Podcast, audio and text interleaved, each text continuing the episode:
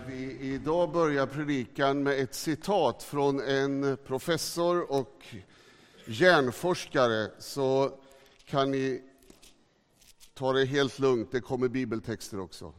Och det kommer en lång bibeltext om en liten stund. Um, David Ingvar, eh, känd, och i hans fotspår går ju också sonen Martin Ingvar som hjärnforskare. Han har myntat begreppet vision. Det är minnen från framtiden.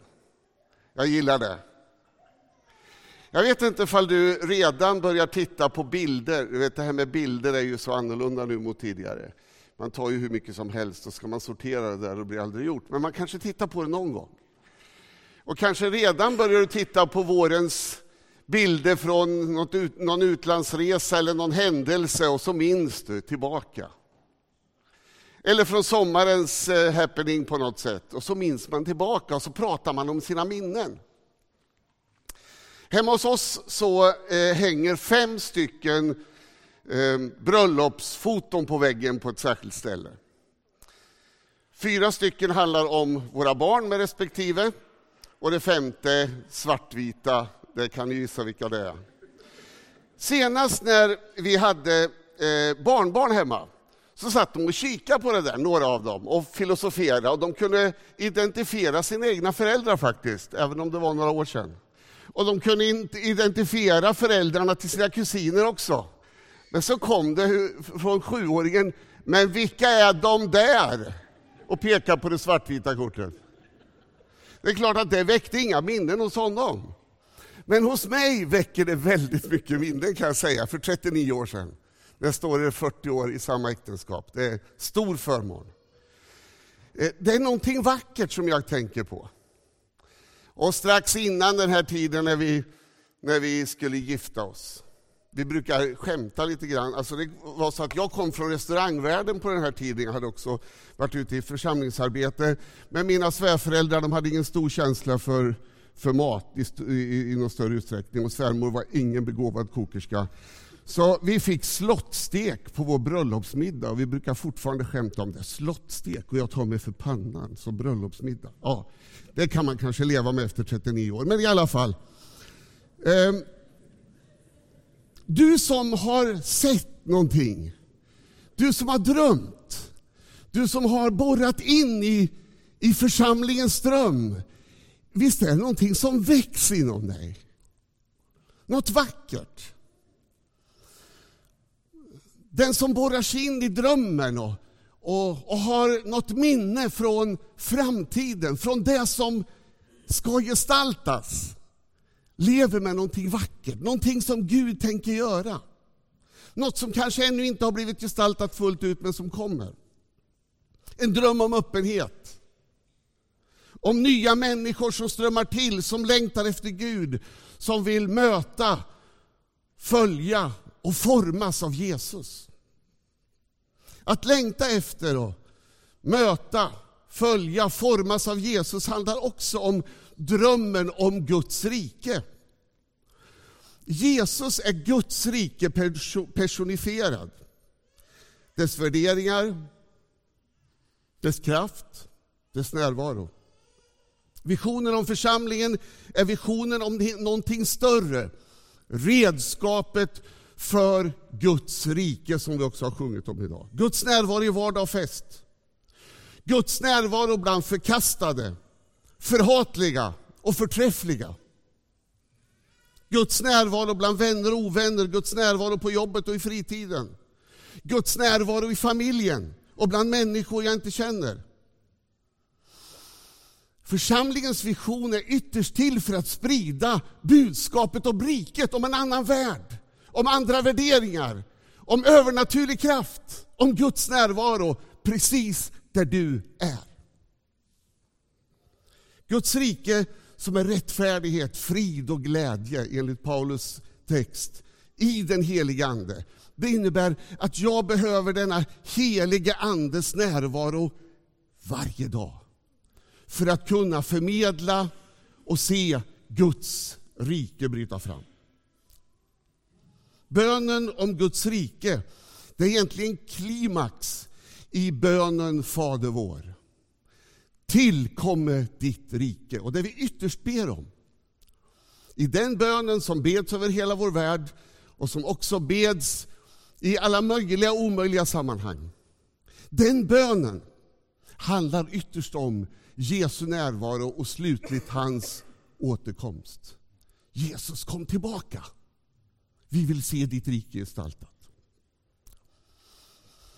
Jag har flera väldigt härliga exempel på då jag har fått vara med och, och, och, röra mig i det här fältet. Jag tar bara ett exempel som är kopplat hit till Linköping. 1994 så var vi ett team på omkring tio personer som gick en bönemarsch ifrån Örebro till Stockholm.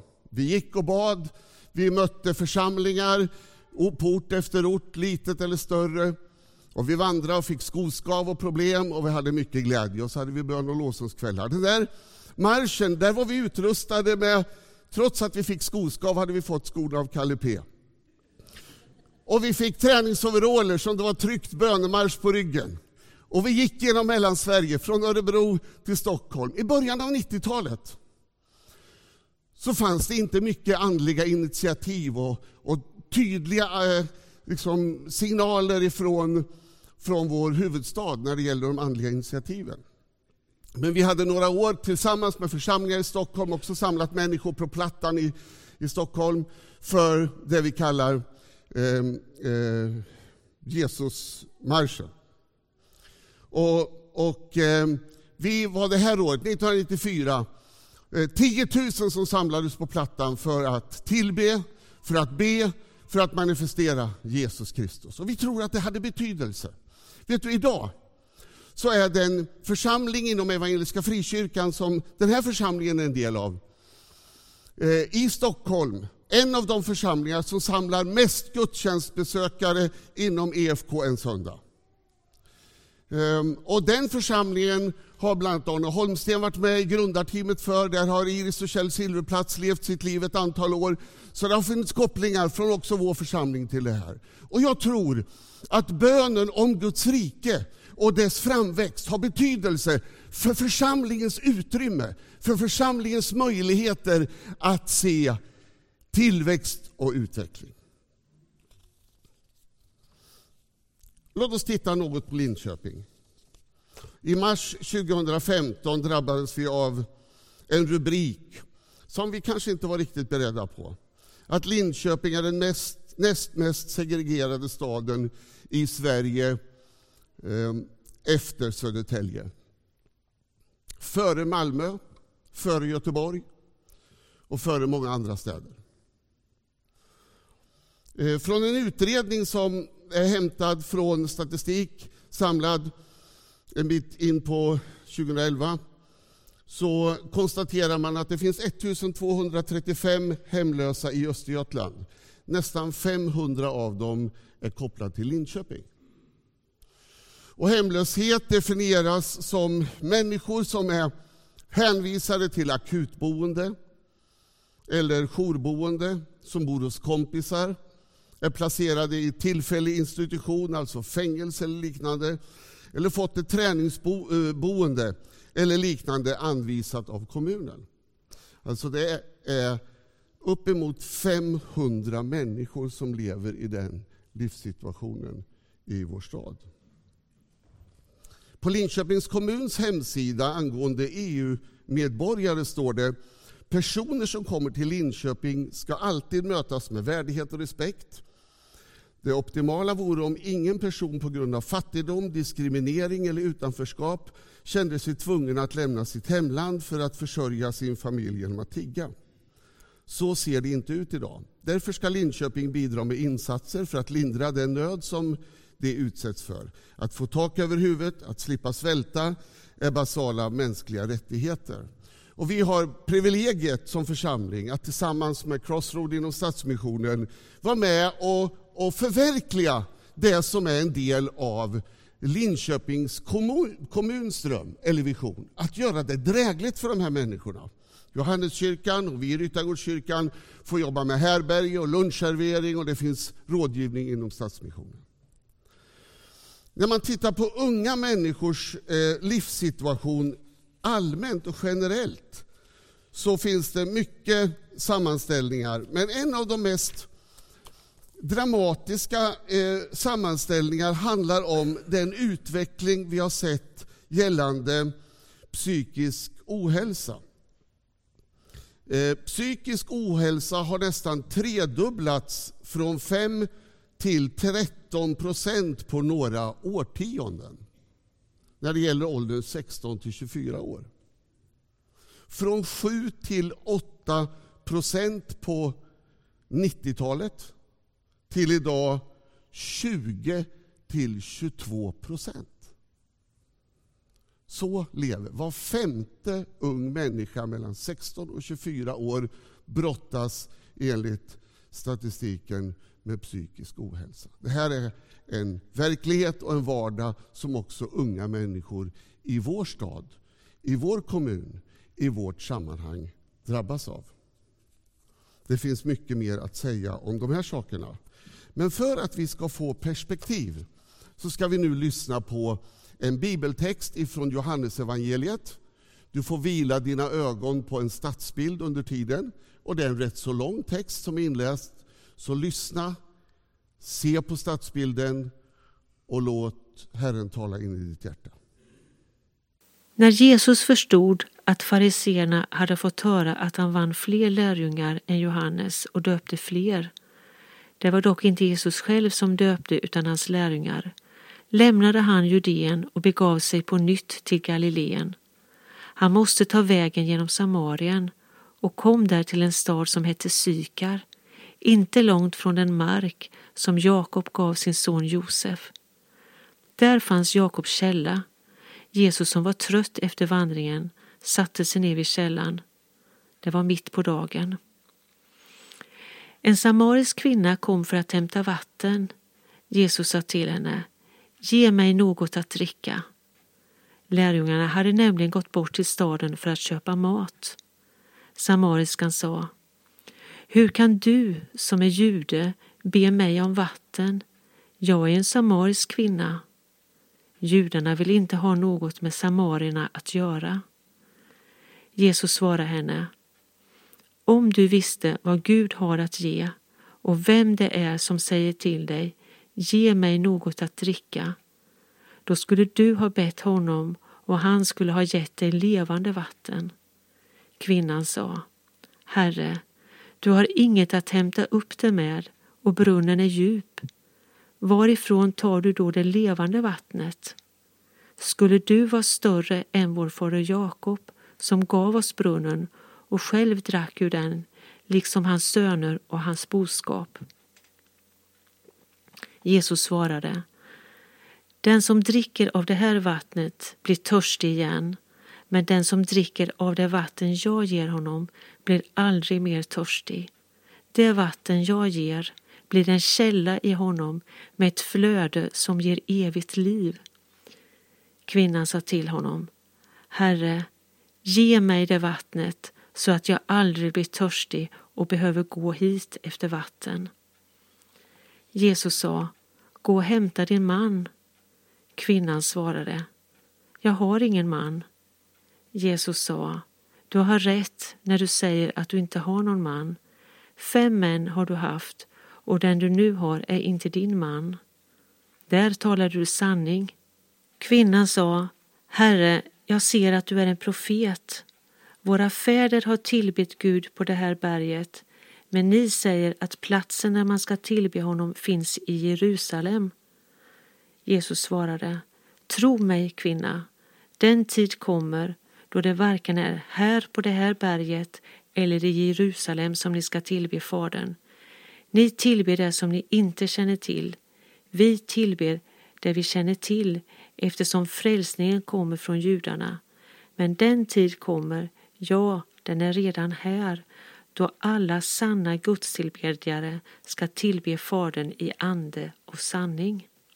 Ty så vill Fadern att man ska tillbe honom. Gud är ande och de som tillber honom måste tillbe i ande och sanning. Kvinnan sa, jag vet att Messias kommer, alltså den smorde, och när han kommer ska han låta oss veta allt. Jesus sa till henne, det är jag, den som talar till dig. I detsamma kom lärjungarna. De blev förvånade över att han talade med en kvinna. Men ingen frågade vad han ville henne eller varför han talade med henne. Kvinnan lät sin vattenkruka stå och gick bort till staden och sa till folket där. Kom, så får ni se en man som har sagt mig allt som jag har gjort. Kan han vara Messias? De gick ut ur staden för att söka upp honom. Under tiden sa lärjungarna till honom, Rabbi, kom och ät. Han svarade, jag har mat att äta som ni inte känner till. Lärjungarna sa då till varandra, kan någon ha kommit med mat till honom? Jesus sa, min mat är att göra hans vilja som har sänt mig och att fullborda hans verk. Ni säger, fyra månader till så är det dags att skörda. Men jag säger er, lyft blicken och se hur fälten redan har vitnat till skörd. Den som skördar får sin lön, han bärgar grödan till evigt liv, så att den som sått och den som skördar kan glädja sig tillsammans. Här gäller ju ordet att en sår och en annan skördar. Jag har sänt er att skörda där ni inte behövt arbeta. Andra har arbetat och ni får lönen för deras möda. Du som har läst det Nya Testamentet tidigare kanske känner igen sammanhanget från Johannesevangeliets fjärde kapitel. Ett ganska välkänt sammanhang och där vi ofta fokuserar på den här kvinnan, en samarisk kvinna som Jesus möter. Och det finns mycket att säga om det. Men det är inte den dialogen vi fokuserar idag. Utan idag fokuserar vi ett ögonblick Jesus som person och lite grann dialogen med hans lärjungar. Jesus överraskar ofta. Lärjungarna blev förvånade, står det. Jesus följde inte de vanliga umgängesreglerna. Eh, guilt by association eh, var ingenting som han var känslig för. Vem och med vilka och på vilket sätt man umgås, det är djupt mellanmänskligt och det har skapat regler i alla tider och i alla olika miljöer. Jesus han blev kritiserad när han åt och drack och när han inte åt. Jesus blev kritiserad när han umgick med samhällets bottenskikt och när han utmanade eliten. Jesus skapar förvåning och svarar inte alltid som man förväntar. För att vara en öppen och generös församling så behöver vi ibland bryta med förväntningar och konventioner. Uttalat praxis. Så här gör man.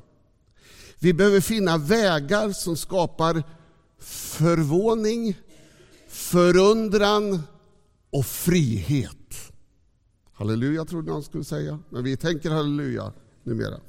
Vi behöver finna vår väg som skapar den väg som öppnar kyrkan till stor frihetslängtan. Vet du att redan i tredje, tredje Mosebok så berättas det om friåret eller jubelåret. Tanken var den här, att man hade sju år. Det sjunde året var ett sabbatsår. När man hade sju gånger sju år så blir det 49 år, så la man till det ett femtionde år som var jubelår. Om det läser vi. Och ni ska helga det femtionde året och utropa frihet åt alla invånare i landet. Det ska vara ett friår för er. Var och en ska få tillbaka sin e- egendom och få komma tillbaka till sin släkt. Det var alltings upprättelse, en försmak av det vi en gång ska möta. Och Jesus appellerar till det här i Lukas 4. Herrens ande över mig, ty han har smort mig till att frambära ett glädjebud till de fattiga han har sänt mig att förkunna befrielse för de fångna och syn för de blinda och ge de förtryckta frihet. Paulus han formulerar sig på ett sådant sätt att vi förstår att hela skapelsen till och med lider under betryck. Men frihetens timma kommer. Och är det någonting som Jesus skapar förvåning kring, det är den frihet han ger människor när man möter honom. Det är det vi kallar det till. Jesus skapar förvåning hos sina lärjungar. Men Jesus formulerade sig också, appellerade till de omständigheter han var i. Jag har mat som ni inte känner. Vad då? Har det varit någon snubbe här och bjudit honom på käk medan vi har varit och letat och köpt? Nej. Han säger, min mat det är att göra Guds vilja. Och jag tror att hos dig som har kommit till Ryttargårdskyrkan idag så finns det en djup längtan att få göra Guds vilja, att få vara i Guds vilja, att på något vis vara uppkopplad med Gud, hur du nu formulerar det. Längtan att få göra Guds vilja finns i ditt liv och i mitt liv. Längtan att få se Guds rike, du kanske inte formulerar det så här, men på något sätt finns det en inneboende längtan att se drömmar uppfyllda, att se något övernaturligt ske, att få uppleva livet djupt meningsfullt. Vi kan ibland bli alltför upptagna med det som inte sker. Besvikelse eller misslyckanden. Därför att våra ideal inte uppnås. Att lyckas är att våga ge gensvar till Guds viskningar i våra liv. Gud viskar hela tiden. Jag har haft förmånen de sista veckorna att få säga det här till ungdomsledarna i församlingen. Jag har haft förmånen att få ha en dialog med församlingsledningen om de här frågorna som handlar om att Gud viskar hela tiden. Gud talar in i våra hjärtan hela tiden. Och jag tror Gud talar väldigt enkelt. Det är inte en lång teologisk avhandling som Gud har att presentera för dig varje gång han säger något. Jag tror Gud säger ungefär så här. Sluta inte. Han säger, ge inte upp. Ta en risk. Gå vidare. Ta ett beslut. Ta hjälp. Sluta gömma dig för Gud. Lugna ner dig, det har han sagt till mig många gånger. Vaka över ditt hjärta. Sök Gud. Uppmuntra en vän. Gör något viktigare. Tala sanning. Kolla motiven. Ge Gud det bästa. Ödmjuka dig. Här finns frihet. Ta ett steg i tro. Jag är med dig. Jag vill göra under genom dig. Jag tror Gud viskar det här in i ditt hjärta. Stund efter stund, dag efter dag. Och vi har en djup längtan att få gensvara till det här. Det är det som är Guds mat. Det är det som är att leva i det övernaturliga på ett naturligt sätt.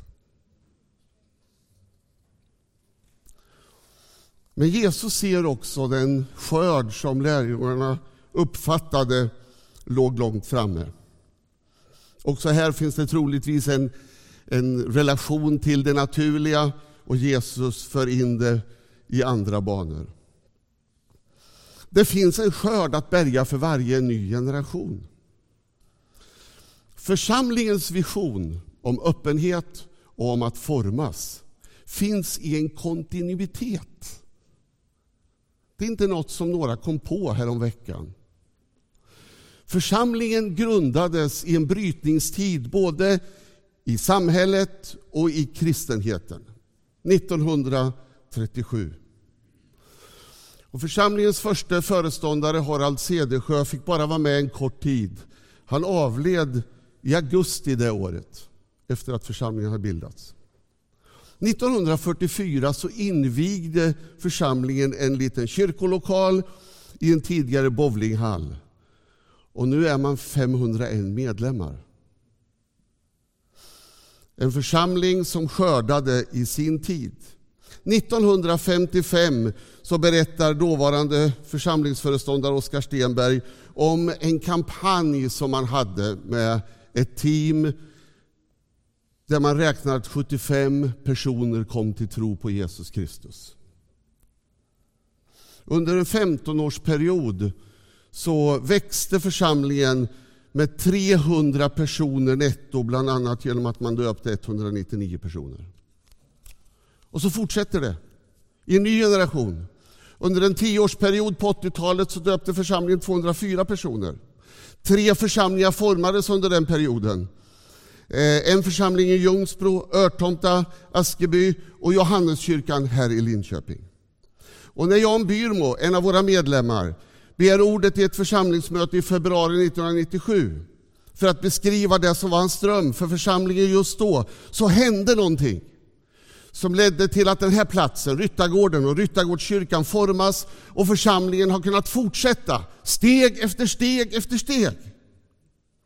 En öppen kyrka, en öppen församling, en församling med fysiskt öppna lokaler. Det är människor som är öppna mot nya människor och brutalt öppna emot Guds tankar, Guds tilltal och hans vilja är i centrum.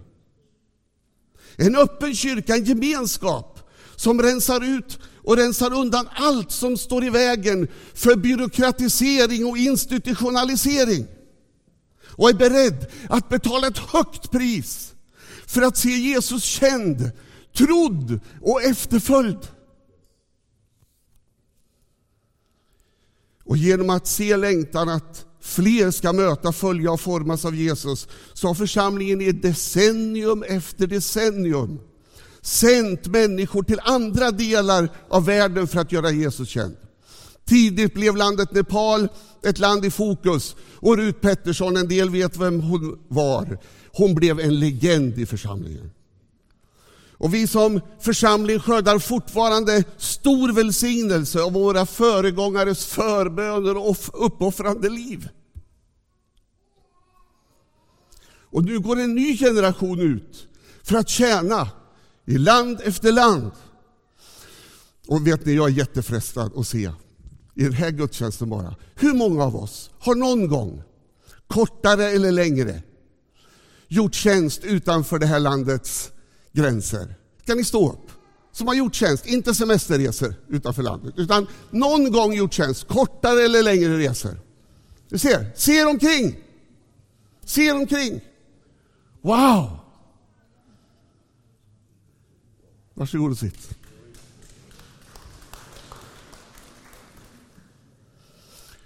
Ser vi som någon gång har gjort den här resan, eller du som satt ner, ser vi skörden idag? Ser du människor i din närhet som behöver Jesus? Drömmer vi, likt tidigare generationer har drömt?